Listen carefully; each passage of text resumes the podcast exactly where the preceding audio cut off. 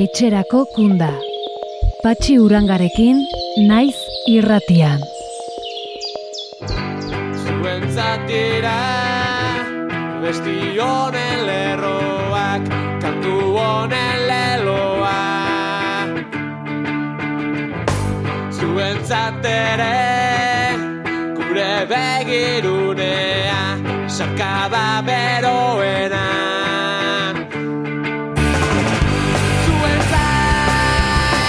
Kaixo denoi eta ongi etorri etxerako kunda saiora.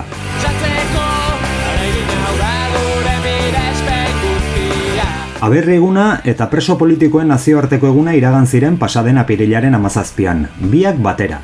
Entzuletako asko falta zineten, zehazki, gatibu, sasian eta deportatuta zaudeten guztiak. Beste zenbaitek, Ibon Muñoak bezala, kalean ospatu zuten egun handia, aspaldiegiko partez. Herri honetan, beti delako aspaldiegi erreperresaliatu ez ari garenean. Soilik ezan, falta zaretenak presente baino presenteago izan zinetela, beste behin. Aste honetako saioan, argiako kazetari zigorrola berriarekin izan gara, txori urdinak liburua zizketan. Iazko urte amaieran argitaratua, bizitza erdia preso daraman Xantiko Bos Fernandezen kartzelako esperientzia kontatzen du egileak berarekin izandako elkarrezketetatik abiatuta. Erreformatorioa, fies fitxategia, isolamendua, tratu txarrak, iesaldi saiakerak, preso politikoekiko harreman eta laguntasuna. Horrez gain, kartzeletako aktualitatearen berri emango dugu, asteroko zorion eta agurmezuak izango ditugu, eta Oior Gonzalezek kartzeletako patioetan hain ohikoak diren liskarren inguruko lerkia partekatuko du guztiokin. Eta orain, saioa ganoraz egiteko, guazen Ba- Brains taldearen abesti mitiko bat entzutera, bestela ez baitut fundamenturik egingo.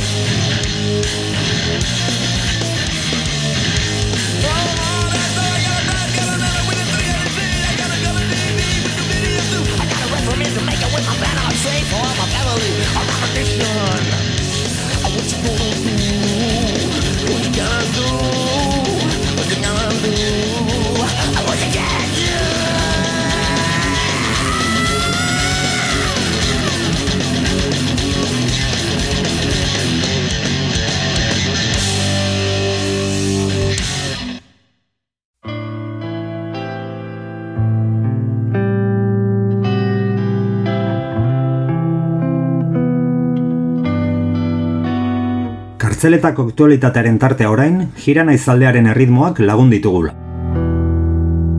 EPPBKak agiria kaleratu zuen apirilaren amazazpian, preso politikoen nazioarteko eguna eta berri egunaren arira. Agirian azaldu zutenez, espetxe legediaren praktikan ezartzen zaizkien trabak eta salbuespen irizpideak bertan bera usteaz gain, presoen kaleratzea bideratu eta gatazkaren ondorioak gainditu beharra dago. Horri begira ari da kolektiboa eta euskal jendarteari eragile sozialei eta instituzioei dei egiten die norabide horretan boga dezaten.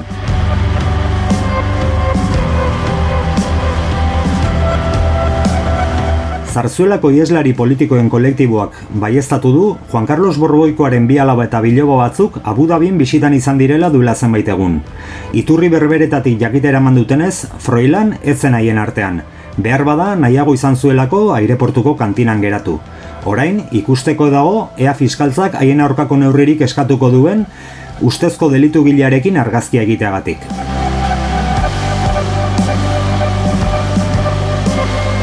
Espainiar estatuko kartzeletan dauden presoek internet erabili alkomen dute telelanerako beraien egoera judizialari buruz informatzeko edota urkuekin bideodeiak egiteko. Apirilaren amairuko estatuko aldizkari ofizialak dakar berria. Barne ministerioak dekretu bidez aldaketa egin du espetxaraudian eta maiatzaren hasiran sartuko da indarrean. Ondoren, kartzela bakoitzak hiru hilabeteko epe izango du bere barnara araudia dekretu honetara egokitzeko. Hori bai, espetxe legediaren ambiguotasunari jarraiki, kartzela bakoitzak dituen baliabide tekniko eta humanoen araberakoa izango da ezarpena. Alegia, kea bai, baina surik ez.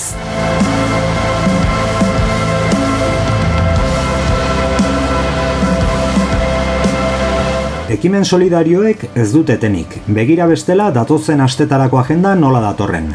Apirilaren hogeita iruan, desapilua eta pesta, etxera lemapean, egun osoko egitarau antolatu dute Antigua, Ainorga eta Igeldoko sarek.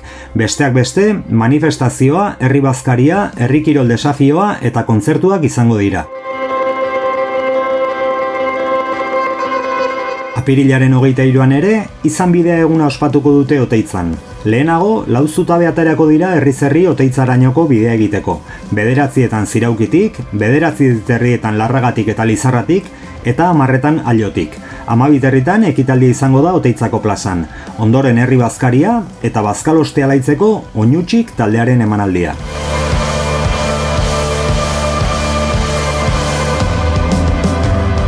Gernikan berriz, amabitan tren geltokitik abiatuta, preso errepublikarrek berrera ikitako trenbidean oroimen ibilbidea egingo dute.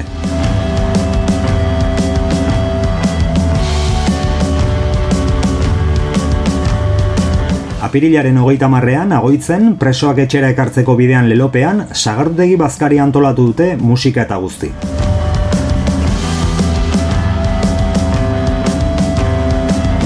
Maiatzaren zazpia ere ekimenez gainezka dator. Horrela, bilabonatik hori oraino mendi martxa egingo da etxerako bidea saretzen lemapean.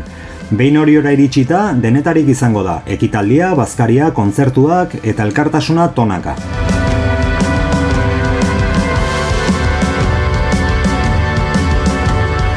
Maiatzaren zazpian ere, atxabalta mila baietz ekimena burutuko da are txabaletan.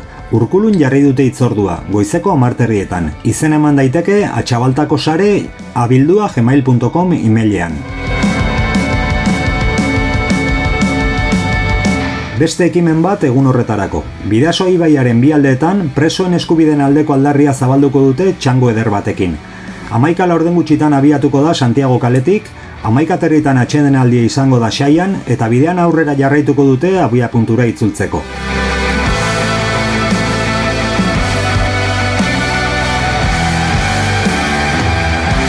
Tolosaldean ere ez daude geldirik egoteko. Lau zutabe antolatu dituzte Tolosarainoko bidea oinez egiteko. Amaiketan abiatuko dira bi anuetatik eta legitik, beste bat lizartzatik amaikak eta laurdenean, eta laugarrena ibarratik amaika terrietan. Behin Tolosara iritsita, amabitan kalejira egingo da plaza zarretik abiatuta. Horeretan berriz, amabiterritan gizakate abiatuko da panierreko zubitik herrian barrena. Ipularen sehaska kanta filma dokumentalaren lau emanaldi daude iragarrita datozen egunetarako. Apirilaren hogeita iruan, leitzako herri aretoan seiretan. Hogeita lauan, lakuntzako kulturetxean seiretan. Hogeita bederatzean, itxasondoko kulturgunean eta busturiako kulturetxean biak seiretan hasita.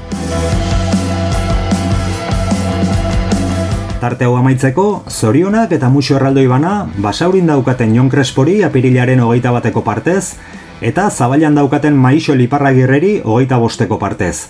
Zuentzat, rock and roll azkar eta bortitzau.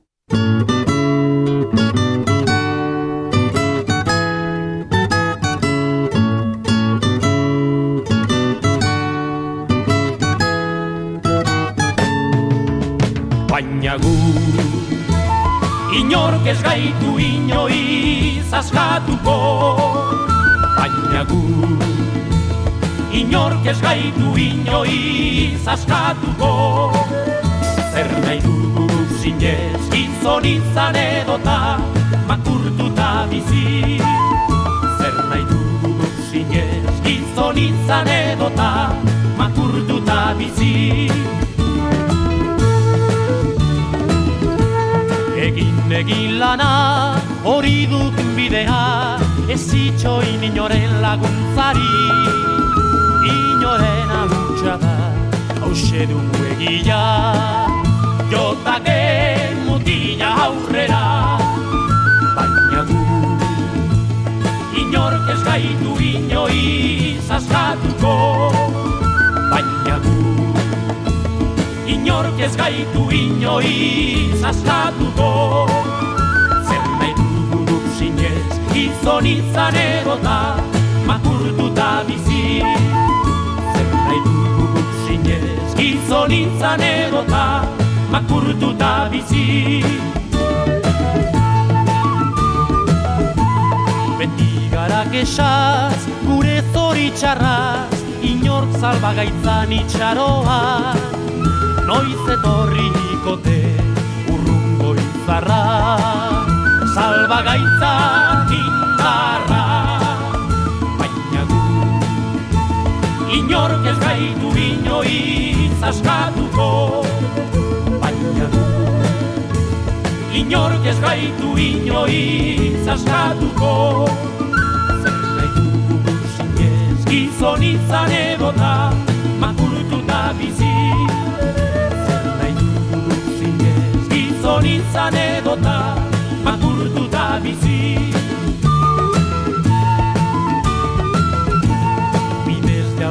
jauzioi da gogoz alperdana Itzarra nahi gazte iregarra. Hauxe bai du bide benetan bakarra Azkatzaile geugara Azkatzaile geugara Azkatzaile geugara Azkatzaile geugara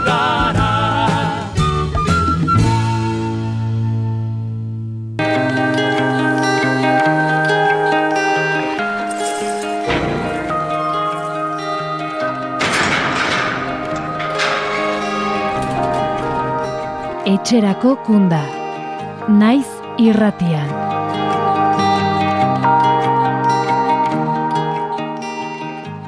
Arestian aipatu bezala, txori urdinak liburua zariko gara datozen minutuetan. Xantiko Bos Fernandez preso sozialaren bizitza du oinarri liburuak, eta bere kontakizunak paperean bildu dituen egilarekin izan gara solasean. Zigorrola berria, ongi etorri etxerako kundara? Eskerrik asko. Bueno, azaro abenduan e, uste dut aurkeztu zenuela, txori urdinak liburua, eta lehenengo galdera derrigorrezkoa da, nola dago une honetan e, liburuko protagonista, Xantiko Bos?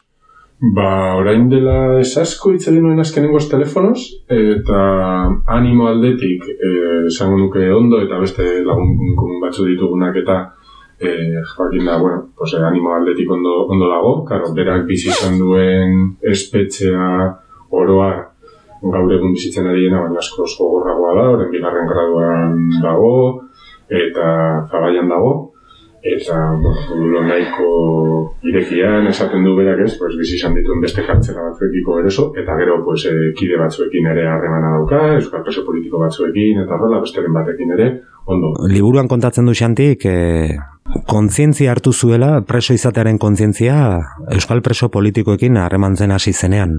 e, preso politikoekin. Eta erraten du, e, gurutzatu zela euskal preso politikoekin, e, grapokoekin, e, katalan batekin ere horatzen duela esaten zuena bere lehenengo liburua eman ziona salaketaren liburu bat e, pizkatzen e, barruan defendatzeko, e, pues, e, izapideekin eta horrela. E, eta izan zela, berarentzako, esaten du, nolabait berak baseukala joera bat, e, pues, e, onartzen ez zuenaren aurrean, edo justoa iruditzen zitzaionaren aurrean, e, revelatzeko, ez? baina oso instintiboa eta eta hor nolabait esaten du izan zela e, gertatzen ari zitzaiona zitzaionari asalpen bat emateko, ez? E, moduak esaten du, ez? E, garai horretan adibidez bera adingabeen gartzelan, e, adingabeen moduloan, e, modulo psikiatrikoarekin elkartuta zegoena, osea, bloka mutxutxa, e, bueno, zeuden e, adingabeak labanekin e, bizitzen, e, defendatzeko bortzatu zitzaten beste presoek, adibidez, ez? Eta, eta horatzen ez jaten zula dira, jode, pues, hor pentsatzetik e, marikoizik inau ezak zer, pues, e, norbait beste buruan beste gauza batzutuna, jaten zuen, a ber, hemen arazoa ez da tipo nena, hemen arazoa da sistema dagoena, sartu zaituztela modulo psikiatrikoan adin txikiak, e, sistema oso bat dagoela hori baimentzen duena, e, incluso sustatzen, duena, ba, ba, ba, ez, eta, bueno, bali izan ziola, e, beste ko, kokapen bat emateko bere buruari gartzelan, e, funtzionarien aurrean ere exigenteago izateko, bere eskubideak aldarrikatzeko, eta, bueno, e, bai, oso ditzapen hona dauka zentu horretan. Bai, baina ziurrenik, kontzientzia hartze horrek ere arazo gehiago ekarriko zizkion, espetxe, espetxearekiko. Perso guzti entzun diet, elkartasuna edozein estilotan zigortua da, eta kasu honetan, pues, eh, zenbat eta kriminalizatuago dagoen kolektibo batekiko elkartasuna eta harremana izan, zerta bakarrik elkartasun politikoa, da egunerokotasunean, partekatzea janaria eta da, pues orduan jomua, jo- jomuan zauden nabarmena hau. Badagai bat, eh, niretzako gatazkatsua dena, ez dakidana oso ongi nola enfokatu, eta da pixkat preso sozialen gaia, nik, ez dakit, nire esperientziatik ikusten dudana da, gaur egun kartzeletan oso preso gutxi daudela nolabaiteko kontzientzia daukatenak. Eta alderak eta egingo nuke, ba, pixka bat, e, xantiren belaunaldi hau, edo gaur egungo presoak ikusten dut kontzientzia galera handi bat eman dela urtetan, eta galdera da, xantik nola ikusten du te, gaur egungo presoen e, kontzientzia falta hori edo? Berak esaten du bilakara bat, hori pues, elkartasuna jetzi dela, baina niretzako eh, asko esaten da espetzea dela jendartearen islas. Orduan, batetik egon dira mugimenduak eta egon dira saiakerak eta bat, txikitu dituzte eta gero zikloak gaude nik uste dut, ez? Ikusten duzu hartzelen historia estatuan eta zikloak gaude elkartasun handiagokoan mugimendu dela. Baina eske jendartean berdina gertatzen da, ez? E, pues, hemen transizio garaian Euskal Herrian zegoen mugimendua, ez? E, edo gaur egun dagoena kalean edo edo zenbateko, jo que sé, elkartasuna dagoen jendartean, nik uste dut oso ezberdina dela. ez. Eta horren barrean, claro, ni hau kezka hau aipatu zenian, eh, pero, claro, eh, eh, pentsatzea preso guztiak eh, izan barko luketela eh, preso izatearen kontzientzia politiko bat eta zergatia da, bai, izan barko luke, bueno, ni, ni ez naizen ez egon gartzela, ez noa esatera beste ez esan duten, baina bai, baina da esatera da, langile guztiok izan barko genukela langile kontzientzia. Eta gehiengoa, edo ose, bestela mundua bestela ditzateke, edo emakume guztiak e, feministak. Eta, osea, behan dagoen guztia e, bere egoera aspiratuaren kontzientzia duela. Pues gehiengoa mm, ez da, ez? Eta, eta kasu honetan hau gutxiengoa dira. Nolakoa izan da zuretzat eh, esperientzia horrelako bizipenak eh, paperera jartzea? Ni, ni banekien bere historia pizkatzo bat hasi ginenako liburua, ez? Ezagutu, ezagutzen nuen lehenagotik. Baina lehenengo elkarrizketa saioan baratzen izilu orduan ginela, kontatu zidanean, baratzen ez gero, pues, epitzeko engana joan eh, baskaltzera, pues, bostu egon ginela, eta eta nengoela, uskurtu da, ez da, esan, hostia, hostia, ze, ze pasada, osea, zen batetik empatizatzen alabearrez, baina bestetik ere distantzia bat jartzen saiatzen, berari entzuten, bueno, gero liburu batera eramango zelako, ez. Baina gero esan dagoa batetik da oso gordina momentu batzutan, oso gordinak ere momentu batzutan berak egiten dituen gauza batzuk ilesaldi saiakera batzuetan, eta e, funtzionarioak baditu, e, polizia, polizia batzuk baditu, azkenan tiroketan bukatzen da eta polizia bat hiltzen dute, e, bueno, baditu oso momentu Baina ditu momentu ere, inkluso momentu gogorretan, graz indiz kontatzen dituena, eta gero niretzako bertuta santirena da, gero onartu duela gartzelaz, eta duan, onarketa niretzako interesgarriak, eta ez bakarrik klabe politiko zurrunetan zer den espetxe sistema, baizik eta zer gertatzen den sexualitatearekin, zer gertatzen den eh, harremanekin, zer, bueno, eh, beste eh, zer gertatzen den eh, samurtasunarekin eta gogortasunarekin, ez? Niretzako oso polita da eta oso ondo kontatzen du nola, azkenean, eh, espetzean eta berek bizi, berak bizi izan espetzean, asko gogortu azaren bizirauteko, ez? Berak animalizatu hitz du, bere burua esaten du, animalizatu, ez? Baina aldi berean, animalizatze hori dela, e, borroka dela, animalizatzea bizirauteko, baina aldi berean, presoaren, e, osea, presondegiaren produktu ez bilakatzeko, samurtasuna e, mantentzea, sentimenduak mantentzea, elkartasuna mantentzea kideekin, eta, eta nola horeka hori, e, bueno, hor zaila den, eta, eta arriskua daukazula, e, bueno, pues, e, desorekatzeko, ez. Orduan niretzako, hori, e, hausnarketa badaukare, badaukazuna momentu pues, e, handikoak, pizkatza eta registro ezberdinak ditu liburuak. Jendarte bezala ere, hobe genuke gukez, e, xantiren hausnarketen erdia egitea, kartzelen inguruan?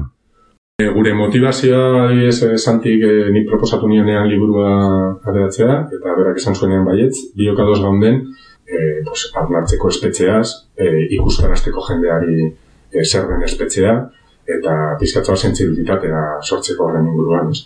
Eta, eta kuriosoa da, ez? Porque eh, ematen du eh, espetxea eh, ez gara kapasak pentsatzeko eh, zigorra kudeatzeko modu bat espetxea ardigunean ez duena.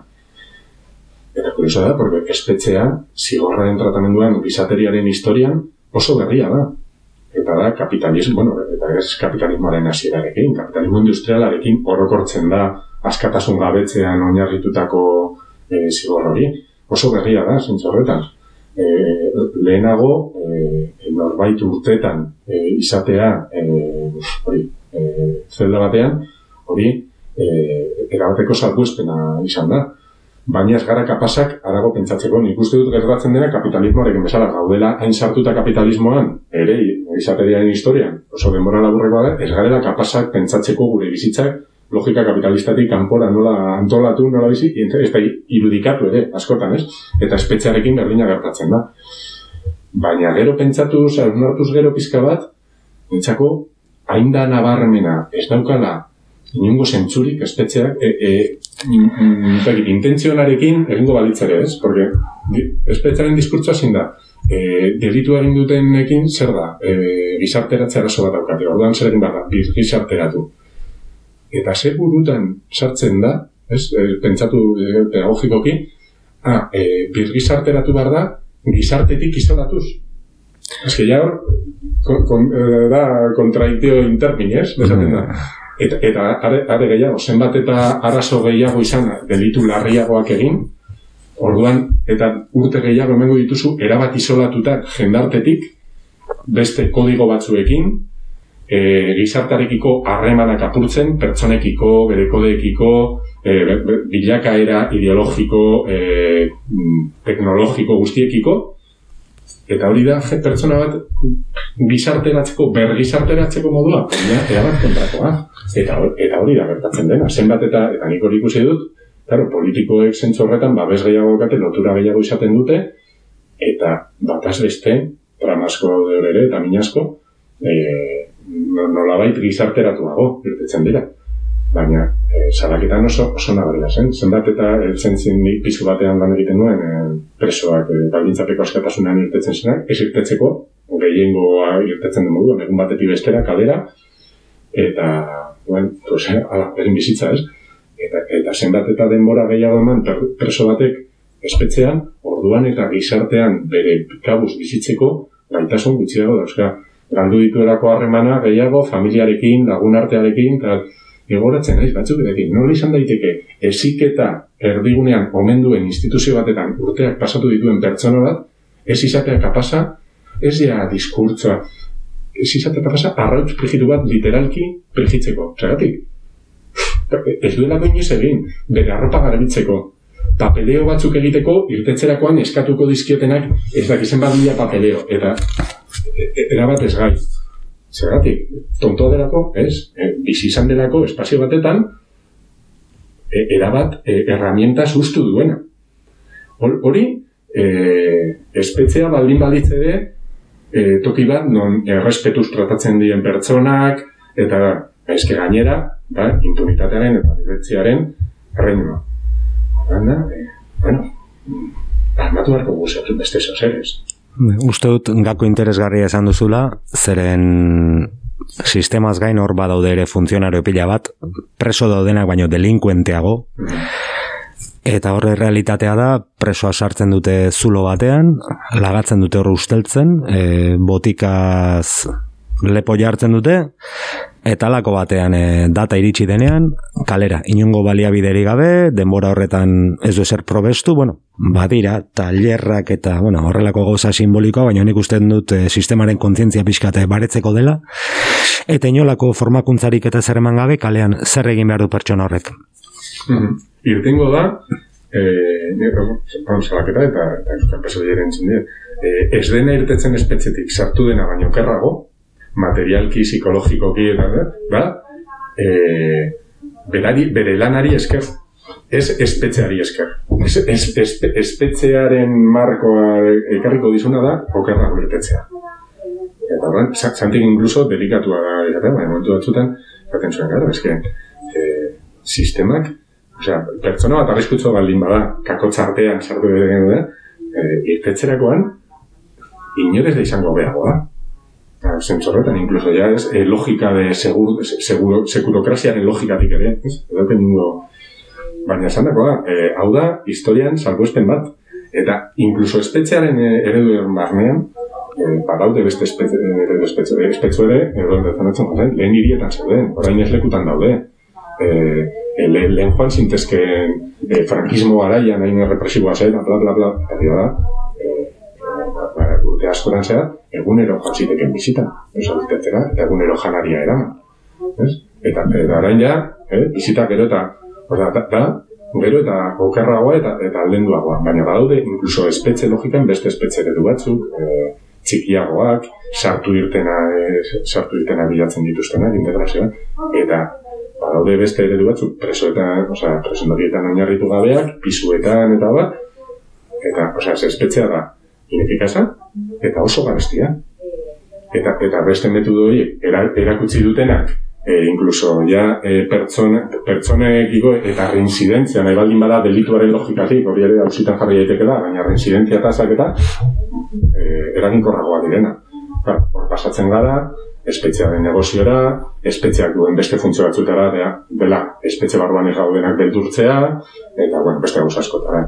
Zer bestela, efikazia aldetik ez dauka, eh, nola izan daiteke, berren urte, digamos, indarran daramatzan instituzio bat, jende guztiak onartzen duena epaileek, e, que se, funtzionarioak ere ez duela funtzionatzen bere ustezko helburuentzako eta jarraitzea berdin. Pues, bueno, beste batzu. Behar bada lehenengo gure, gure buruetako kartzela suntxitu beharko genuke.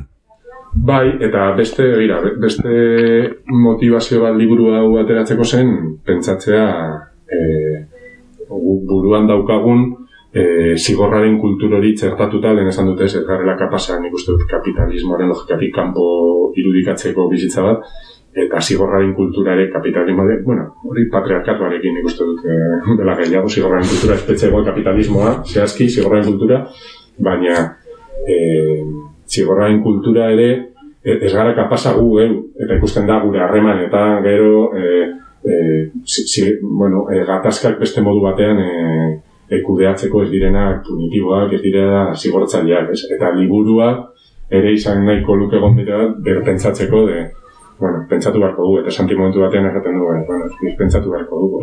Eta horrekin, e, de hecho, gogoratu nintzen, aurkezpena prestatzen ari nintzela, e, justo egun baldenago edo gogoratu nintzen, ostia, e, santiren pasarte bat, ez? E, liburu egin egin aurretik, ez? Nik e, urte batzuk ziren ezagutzen nuela, baina tratu askorik ez genukan, e, bat egin genuen hor lan batean eta hola.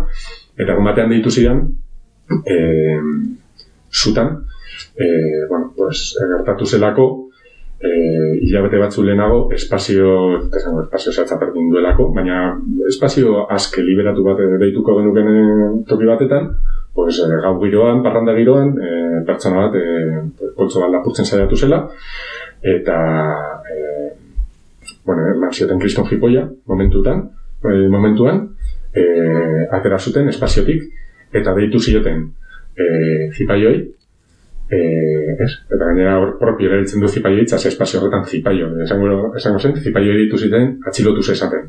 Eta gero salaketa jarri zioten. Ez?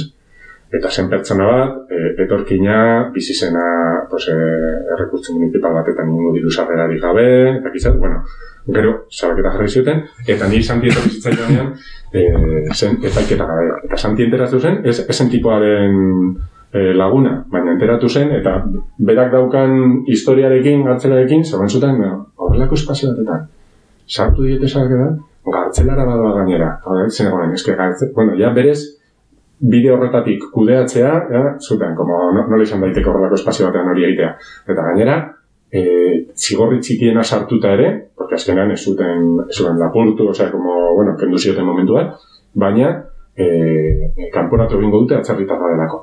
Eta ez dauka zer bere sorterrian, ez? Eta ba, etorri zaidanei, ba, sekielako, bueno, pues espazio horretako jende bat ezagutzen duela, haber, bideratu, bideratu ziteken beste modu batean, tipoa, pues, e, bere garaian lapurreta egiten saiatu zena, e, presegoela, e, pertsonarekin biltzeko, eta gainera, pues, bueno, zan zuen, pues, basekiela goratzen naiz, e, mekanika, zeo zer, bueno, saiatzeko kaltea berrosatzen beste modu batetan, barkamen askatzeko, eta zer. Eta kostata, kostatu zen, baina lortu zen, eta kasu honetan, bueno, pues, santiren ekimenez sortu zen, bideratzea beste modu batetan, eta eta gelditzea hori, ez baina nietzako oso adierazgarria da, e, gu, geus, gu sentitzen garenean erasotuak, ez, e, espe, kri- kritikatzen dugun sistema hori nola jotzen dugu horren gana, ez?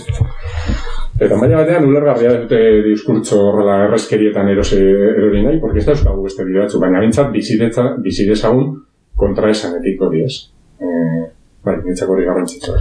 Bai, baina marka da gero, ez? E, ustez e, gure jendartearen zatorren arriskutsua den morroi batek erakust, erakutsi behar alako sentsibilitatea, ez? Bai, bai, Ja. pasatu dituena pasatu dituelako, eta bueno, eragin diolako, buruari, eta zorionez, hausnarketa aukera izan duelako hausnarketa asko egiteko, ez bakarrik pertsonaletik, baizik eta kolektiboan, beste fies batzuekin, beste, beste preso politiko batzuekin. Akaro salbuespena da, ez? Salbuespena da presoengan eta, eta, eta preso ez garen ez? Ba, ez dakit, e, xanti agian entzuten izango dugu, zerbait esan nahi badiozu edo, Ba, bez, bueno, no, no zein ketzekin dut berarekin, nik esan nien bere gara, oso eskertuta nengoela, e, berari, e, testimonioa emateagatik, eta uste dudalako balore handikoa dela, eta eta eskertu nion ere, gainera ez egitea e, erresa zeukalako diskurtso autokontraziente bat, ez? E, bera une oro biktima bezala sistema batena, bezik eta, bueno, kontatzen ditu, bai berak egindako gauza batzu, bueno, pues igual ez diren hain simpatikoa, baina, baina baita bere buruaz, bere prozesua, zintzo. kalera zintzo, bere argitzalekin, ez? Erosenak, baina eta niretzako oso baliagarria da, pues, ulertzeko hori, e, bueno, niretzako bere testimonia oso, eta, eta aparte pertsonak oso gustora gona izela, eta, eta, bueno, eta karin asko dio da. que, hau pasanti entzuten ari bazara, jarraiteko dugu izketan. Ba, hemendik ere gure besarka da berona xantiri, eta gainerako preso guztiei, eta, bueno, doakiela ondo, eta ea xanti laster kalean ikusten dugun, Hori eta, eta, eta beste guztiak ere, eta, bueno, eta kartzelekin, ba, ez dakit, e, kulturetxe faltan gaude, eta Adibidez. akustika pixkat hobetuta, Edo zein erabilera, oiagoa izango da, beste edo zein erabilera. ziur baiet. Eta aukera, era, eta, eta santire motivazio bat ere liburua egiteko epe horretan zen justo zela e, Araba Bizkaia eta Gipuzkoan espetxe eskumena pasatuko zuten garaia, eta orduan, bueno, hor eta, eta, eta ireki zen momentu batean pizkatza bat ez da ez, e, pizkatza bat espetxe ereduarena, eta horrela, eta pizkatza bat aukera hor, pues, e, baliatzeko giro hori e, pues, hartu dezagun, ez? Eta, bueno, pues orain eskumen ze o zer gehiago daukagula gure herrialdean, pues, are garrantzitsua da egitea eztabaida bat espetzearen inguruan ikusteko behintzat, pues, gure inguruan, zer nahi dugun, ez. Bai, Ni bada espaldez aurretik eh, esango dut, eh, ez du la kartzelari nahi, ez da gure, ez da gure etxairik ondienarentzat. Hori da, ados nago. Eta hori ez da erraza. Ez da erraza. Gabe, baina bide bilatu barituko beste bide batzuk jarri dago. Zigorrola berria, mila mila esker, Zuri? ondo izan. Bale, ba. Aio, Tienen a todos separados para que la mano izquierda no sepa lo que está haciendo la derecha. El cerebro jamás se descubre. ¿El cerebro de quién?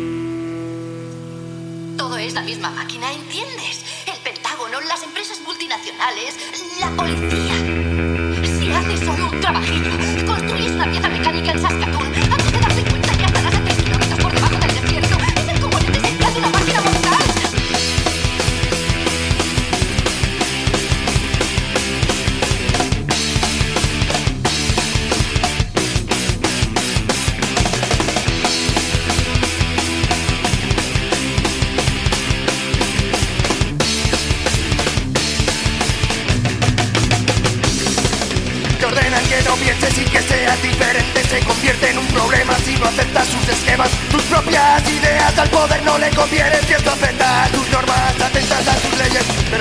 Has sabido arañar y protestar. Cuando has visto que el más fuerte que a los demás.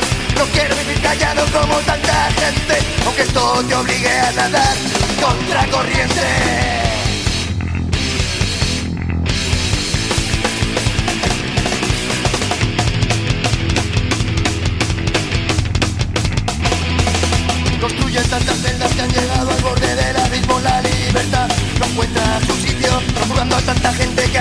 ha escondido La verdad es rodeada con alambre de espino. Hablan de tolerancia mismos que alimentan al fascismo Mientras que sus palabras se convierten en ladridos Construyendo tantos muros que todo se desmorona Pero tuyo siempre estaremos rompiendo sus normas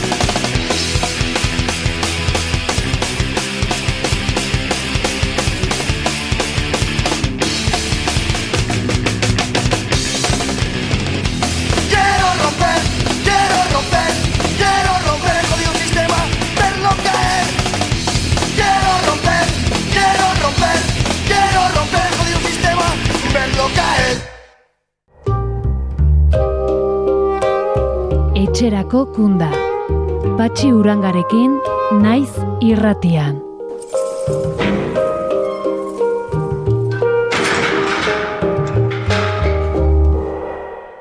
Mezuen tartea orain, gogorarazi nahi dugu etxerako kunde irrasaioak aukera ematen dizuela presoei zorion eta gur mezuak audioan bidaltzeko.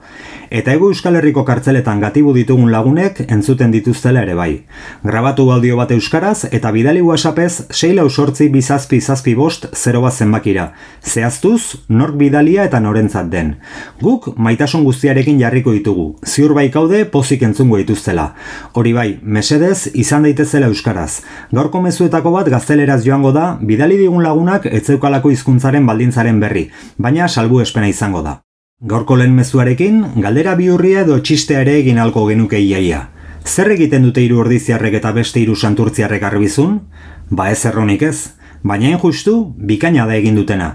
Seien artean, aitatxori, osabari, koñatuari, anaiari zorionak abestu diote.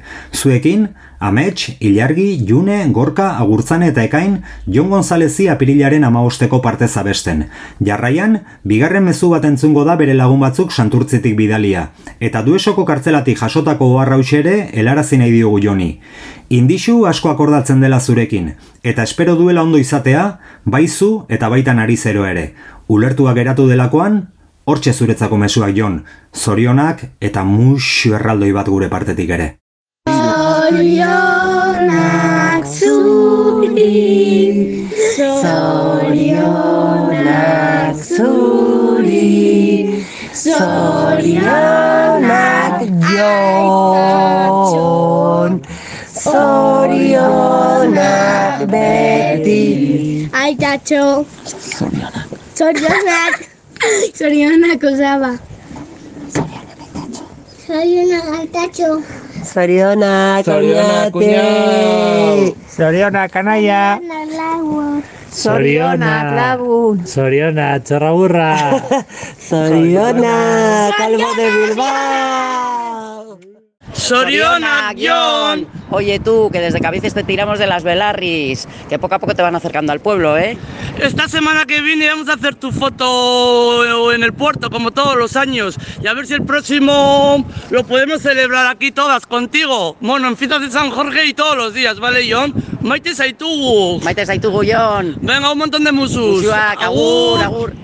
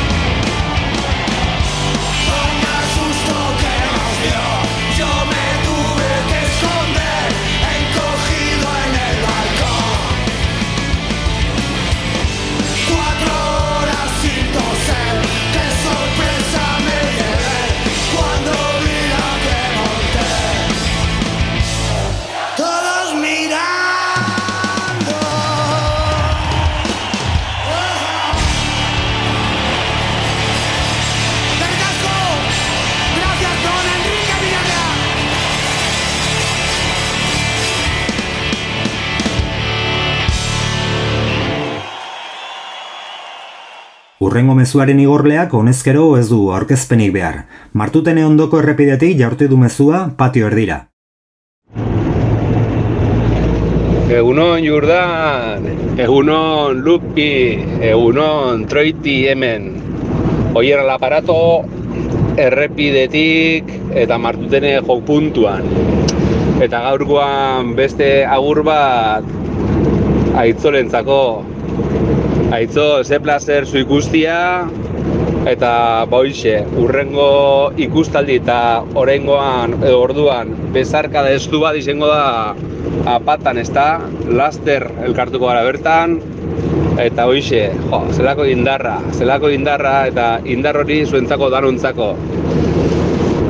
Egunotan heldu ezotik ibili gara be bai, bertan da txikillo, eta okurritu zat, ba, edo oroitu naiz, heldu ezon aske utzi zutela nire itxona, Jose. Ja, oindala laro gehi bat urte, eta pensatu edo okurriz du zait, ba, hor, errepresio lerro batez aratago, borroka ari batek lotzen gaitula gure iraganarekin, lotzen dula gure oraina iraganarekin, eta ari horren alderik e, sendoena zariela zuek, lagunek, hor, borrokan jarraitzen dozuenak, egoera eskaz eta gordin batetan.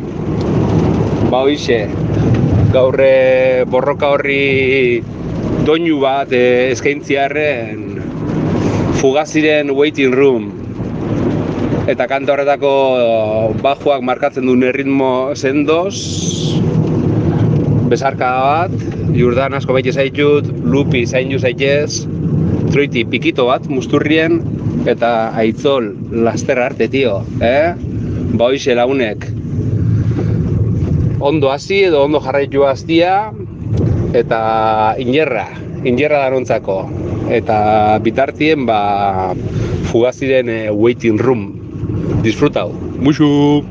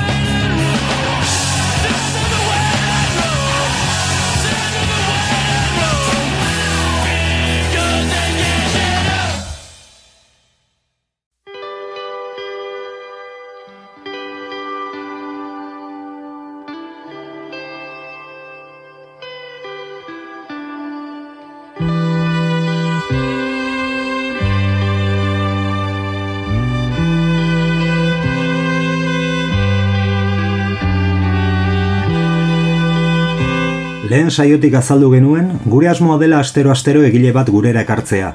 Ziegazuloan zela sortutako altxorrak entzulekin partekatzeko. Asko eta asko direlako kartzelan idatzitako olerki ipuin eta bertsoak, margotutako irudieta kuadroak. Gaurkoan, Oier Gonzalezek, kartzeletako patioetan nahi noikoak diren liskarregoera horietako bat deskribatu digu arazo gramatikalak izeneko olerkian. Arazo gramatikalak. Seguru naiz dagoeneko damutua dela. Bere baitan ongi daki ez zituela hitzok erabili behar. Baina berandu daia da. Parean daukanak kamisetak endudu eta hurbiltzeko esanez oiukari da. Ahari topeka aztear dela dirudin arren, i eta biok, patioari bueltak emanez jarraituko dugu. Ez gara zirkura gehitu. Ezagun dugu gainera alakoak nekez bukatzen direla ukabildantzan. Oiu eta imintziak bai, baina hortik landa ezer gutxi. Funtzionario tropela ere patio atarian paratu da.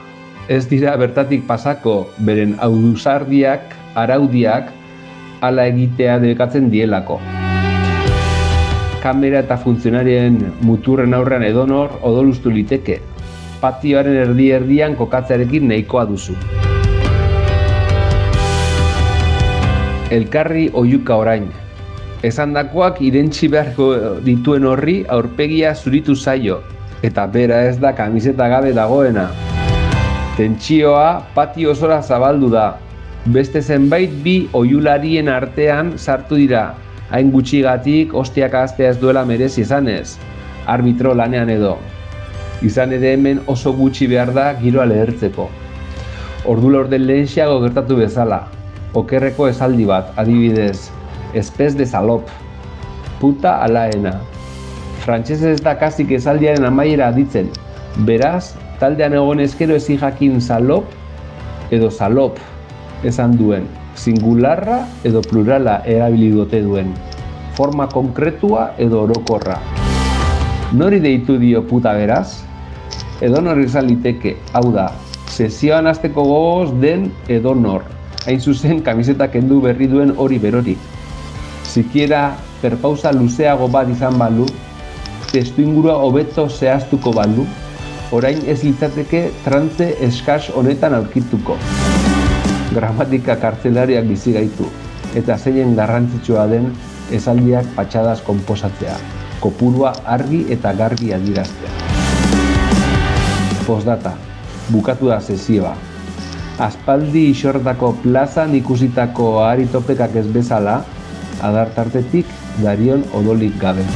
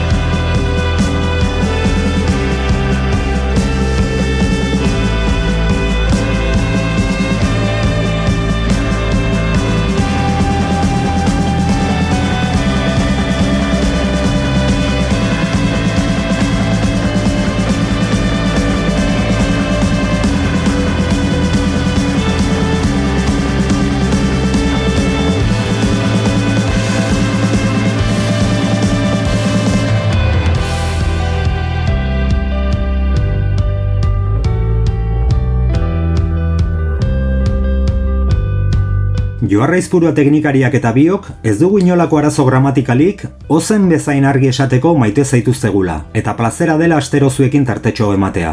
Eta baita gaineratzeko ere, entzule guzti guztia gurekin nahi zaituztegula, etxean, bizirik eta libre.